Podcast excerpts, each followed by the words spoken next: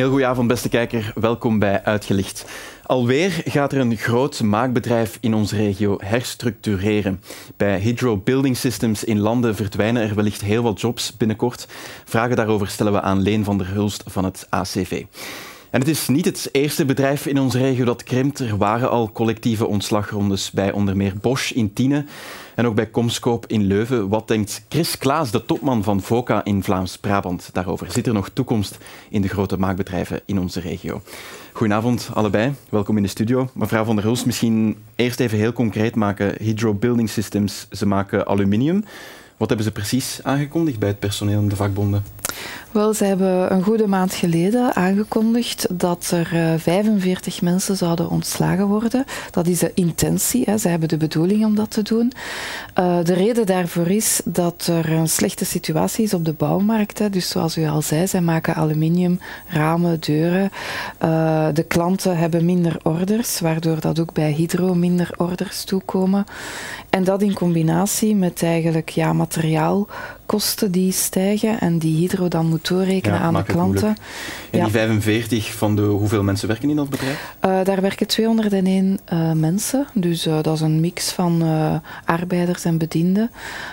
en wie dat er precies getroffen zal zijn, ja, dat weten we op vandaag nog niet, ja. omdat nu natuurlijk het overleg met de vakbonden van start gaat. en het is jullie bedoeling om dat cijfer nog te reduceren? Dat is ja, nog, dat is ook zo voorzien in de wetgeving dat wij op zoek gaan naar alternatieven. Hè. Zijn er andere zaken mogelijk dan mm -hmm. het ontslag van die 45 mensen? Ja, oké. Ja. Meneer Klaas, als u dat hoort, u kan daar uiteraard uh, heel concreet niet op ingaan, uh, want u, u, weet daar niet van, maar maakt u zich daar ongerust over als u dat hoort? Dat nieuws dat er weer een bedrijf um, gaat uh, krimpen? Ja, elke particuliere herstructurering, daar maken wij ons enorme zorgen rond. Uh, maar algemeen maken we ons ook uh, enorme zorgen. Uh, als Kamer van Koophandel meten wij maandelijks het ondernemersoptimisme of pessimisme. Mm -hmm. Als we kijken naar onze laatste bevraging van onze achterban, dan constateer ik dat er 30% van onze leden zegt: 2023 gaan wij naar een downscaling van ons personeel moeten gaan.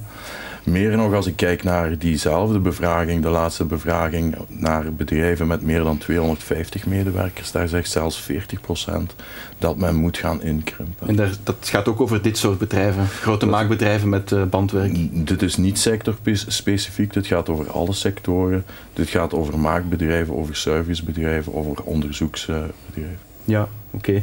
Mevrouw van der Hulst, u heeft al heel veel herstructureringen begeleid. Kan u de tel eigenlijk nog bijhouden van eh, de afgelopen jaren? Uh, ja, ik kan de tel wel nog bijhouden. Uh, ja, waarom? Omdat dat eigenlijk ook altijd iets heel ingrijpend is. Mm -hmm. um, en, hoe, en hoeveel herstructureringen zijn ja, er zo geweest? Kan ik denk, daar een, een ik denk dat er een stuk of, of vijf, zes geweest zijn hè, van, van grote bedrijven. Nu, ik moet wel zeggen, dat zijn allemaal bedrijven in de metaalsector. Hè, dus ik ben verantwoordelijk voor de metaalsector. Uh, en de eerste grote aankondiging in 2016, die ik zelf heb meegemaakt, waar ik bij betrokken was, is de lampenfabriek in uh, Tiene, uh, Sylvania, ja. die toen beslist heeft van te sluiten. Hè. En toen waren er 170 jobs die op de tocht stonden. En na het sociaal overleg is wel gebleken dat er toch een aantal mensen konden blijven. Dus tot op de dag van vandaag werken er toch nog een aantal mensen daar. -hmm. Maar kort daarna, ik denk uh, een kleine twee jaar later, Duferco Trebos in uh, Tildonk, hè, dat is een staaldraadfabriek. Uh, die hebben ook aangekondigd van te sluiten opnieuw. Hè. Dus dat betekende ook weer 65 jobs die mm -hmm. er niet meer waren. Ja. Apok in Kampenhout. Hè. Mm -hmm. En daarna komen we natuurlijk bij de twee grotere bedrijven, Bosch en Comscope. Ja, want laten we die ja. er even uithalen. Hè. Bosch in Tiene, waar ze ruitwissers maken, en Comscope in Leuven, waar ze onder meer netwerkkabels maken. Ja. Twee bedrijven waar eh, de afgelopen jaren inderdaad heel wat personeel is moeten gaan. En zeker bij Bosch Tiene, ooit een van de grootste werkgevers in onze regio, is dat niet enkel de laatste jaren, maar zeg maar de afgelopen decennia.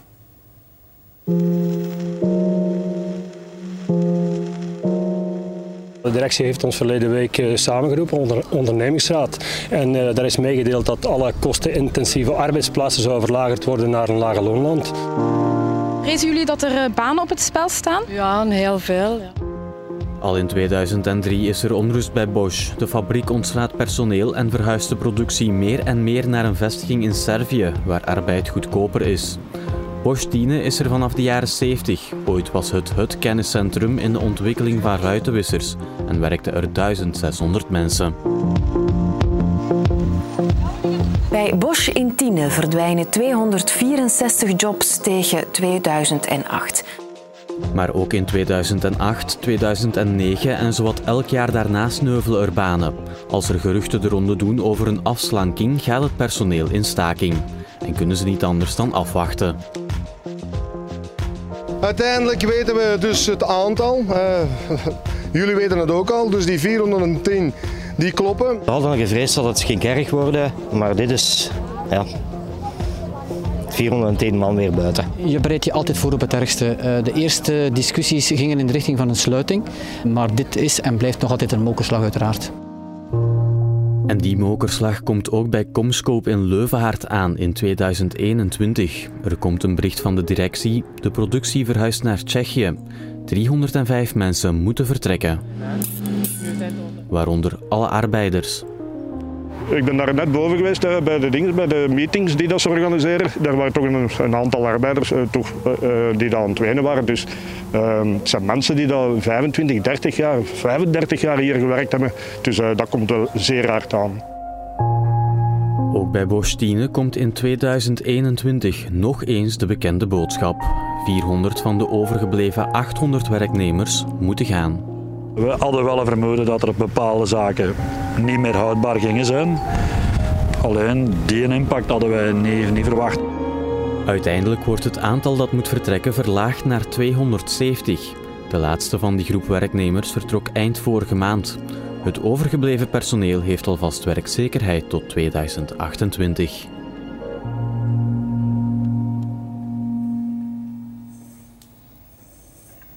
Ja, mevrouw van der Hulst, die mensen die zijn moeten vertrekken, vinden die eigenlijk makkelijk opnieuw een job? Hoe, ga, hoe gaat het met hen? Um, wel, er zijn ook succesverhalen. Hè. Dus bijvoorbeeld dit weekend heb ik nog iemand gezien van Bosch, een ex-werknemster. Die werkte altijd in de productie en heeft nu haar draai gevonden in een winkel. Hè. Dus dat is een, mhm. een heel fijn verhaal om te horen. Uh, maar er zijn toch ook wel uh, moeilijkheden om ander werk te vinden. En ik denk een van de grootste drempels om werk te vinden is de leeftijd. Hè. Dus we hebben het ook gezien in het filmpje. Uh, veel mensen werken daar al lang. Um, bijvoorbeeld bij Comscope was 73% van de mensen die getroffen zijn, uh, boven, de, boven de 50. Hè. En zelfs, uh, ik denk, ik heb het opgezocht, 138 zijn meer dan 55 plus. Hè. En ik denk dat het begin januari was dat er nog een onderzoek in de krant heeft gestaan van de Universiteit van Gent. Die zegt van kijk, mensen die 55 plus zijn, die hebben 48% minder uh, kans om antwoord te krijgen op een sollicitatie uh, die zij doen. Mhm. Dus het is toch heel moeilijk voor mensen van een bepaalde leeftijd om nieuw werk te vinden. Dus hopelijk verbetert het. Wel een beetje over opleiding, want ik vraag me dan af. Ja. Um, mensen hebben daar jarenlang gewerkt komen op de arbeidsmarkt, maar ze moeten natuurlijk, als dit soort bedrijven meer en meer verdwijnt, waar kunnen zij dan eigenlijk terecht? Ja, er is natuurlijk ook een procedure voorzien hè, dat er uh, outplacement wordt aangeboden aan het personeel. Dus zij worden wel begeleid in het zoeken naar werk. Maar het is wel zo dat uh, wat opleiding betreft, dat zij, de opleiding die zij gekregen hebben, is dikwijls beperkt. En gaat dan ook enkel en alleen over bepaalde machines kunnen gebruiken, maar is weinig gericht op de persoonlijke ontwikkeling van iemand, waardoor dat zij eigenlijk op die arbeidsmarkt met een kleine rugzak uh, arriveren. Ja, meneer Klaas, we lopen misschien het risico, Leuven als regio, als dit soort bedrijven er meer en meer uitgaan, dat het ja, alleen maar een regio wordt werkbaar en misschien ook leefbaar voor de happy few, mensen met een, met een hoge opleiding. Want ja, zoals mevrouw Van der Hulst zegt, mensen hebben een kleine rugzak, makkelijk aan een andere job uh, geraken lukt niet echt. Hè? Ja, ik ga daar twee zaken op, op, zeggen. Wij mogen van geluk spreken en onze regio is daar zeer uh, performant in als het gaat over onderzoek en ontwikkeling. Ja. Trouwens, dat is misschien niet echt het type jobs waar, waar, waar deze mensen naar op zoek nee, zijn. Er, zijn. er zijn twee zaken waar we rekening mee moeten houden. Wij zijn heel, heel sterk in onderzoek en ontwikkeling voor hooggescholden. We zitten daar zelfs als Vlaanderen, uh, daar blinken we in uit. En uh, onze regio speelt daar een belangrijke rol in op Europees niveau. Maar wij moeten uh, alles creëren om de valorisatie van onderzoek en ontwikkeling, om dat ook hier te houden. Ja, de uiteindelijke echte productie ja, bedoelt de uiteindelijke echte productie moeten we kunnen hier houden.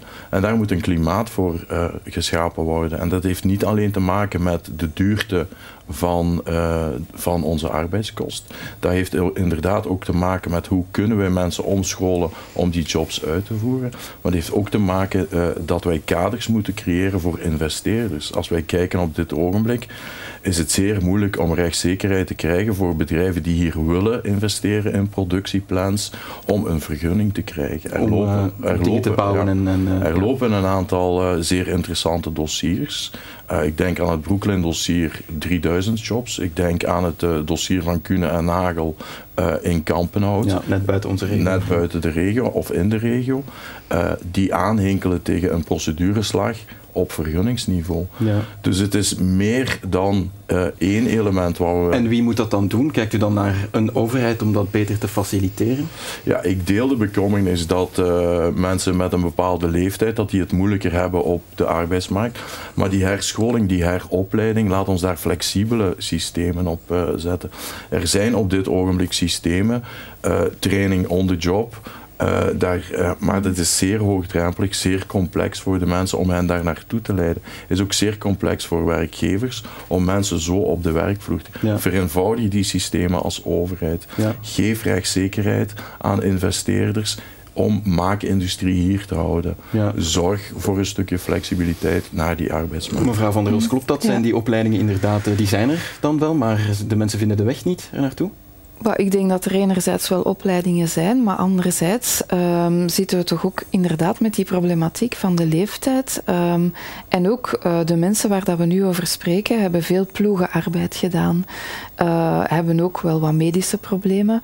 Uh, veel mensen zijn ook bijvoorbeeld zitten in een landingsbaan. Hè. nu, dat zijn allemaal dingen bij een nieuwe werkgever die, die moeilijk zijn om daar opnieuw te realiseren. Mhm. En bijkomend. Um, langs de aanbodzijde, de jobs die er zijn, zijn vaak uh, jobs uh, als uitzendkracht of tijdelijke contracten. En dat is zeker ook een probleem uh, om mensen te laten instromen in een, in ja. een bedrijf. Oké. Okay. Ja. Meneer Klaas, denkt u eigenlijk dat Bosch in Tiene, om het er nog concreet bij te halen, er is werkzekerheid tot 2028, hoorden we in de reportage. Vraag is, de jaren daarna, denkt u dat over 20, 30 jaar de fabriek er nog staat in Tiene? Nu, ik denk om over het particulier uh, dossier van Bosch te spreken. Ik denk dat Bosch ook investeringen gedaan heeft, innovatieve investeringen. Die investeringen zullen uiteraard het bedrijf nog een tijdje hier houden. Ja, maar met die, minder personeel. Hè? Die innovatie betekent met minder personeel. Daartegenover staat, en daar moeten we ook heel eerlijk in zijn, dat onze arbeidsmarkt op dit ogenblik, ondanks een economische crisis, zeer krap is. En we zullen oplossen, en dat is een demografisch gegeven. Er zijn veel meer mensen die uit de arbeidsmarkt stromen dan jongelingen die klaarstaan om in die arbeidsmarkt. Dus we moeten daar oplossingen voor vinden. Technologie, innovatie zal in maakbedrijven zorgen dat er minder mensen op de werkvloer zijn. Maar in zijn algemeenheid, om ons economisch systeem gaande te houden, zijn er op dit ogenblik te weinig mensen. Dus we zullen moeten zoeken naar andere oplossingen. Oplossingen zitten een stukje heractivering van de mensen die we nog kunnen heractiveren. We zullen flexibeler moeten kunnen kijken naar arbeid. Maar daarnaast denk ik dat er ook een flexibel systeem zal moeten komen naar economische migratie. Mm -hmm. Oké. Okay. Maar die bedrijven hier houden, want ze trekken Mhm. allemaal naar Oost-Europa, dat wordt misschien wel heel, heel erg moeilijk. Hè? Wat denkt u? Denkt u dat, uh, dat er nog herstructureringen zullen aankomen in de toekomst? Um, ja, wellicht zullen er nog herstructureringen volgen. Dat denk ik wel als, als uh, de tendens zich verder zet, die we tot nu toe gezien hebben. Maar ik denk toch dat het inderdaad mogelijk moet zijn om bedrijven hier te houden. Ik denk dat we een aantal goede troeven in handen hebben, dat we inderdaad geschoolde mensen hebben. Uh, de bedrijven uh, zijn er. Uh, ik denk dat het aan de overheden is om ook een bedrijfsvriendelijk klimaat te scheppen. Mhm, ja. maar anderzijds denk ik dat we toch ook op Europees vlak werk moeten maken van betere loons- en arbeidsvoorwaarden, zodanig dat het speelveld eigenlijk een gelijker speelveld wordt. Okay, ja, en dat, dat die concurrentie een, minder speelt. Dat is een andere discussie, maar uh, toch een oproep aan de overheid hoor ik uh, van zowel de werkgevers als de vakbonden. Mooi Mhm. dat jullie aan hetzelfde uh, zeel trekken. Goed, uh, bedankt voor jullie komst naar de studio, meneer Klaas. Dank u wel. Mevrouw van der Hulst, dank u wel. Graag gedaan. En u thuis ook bedankt voor het kijken naar deze uitgelicht. We zijn er volgende week uiteraard opnieuw vaste afspraak donderdagavond. Graag tot dan. Dag.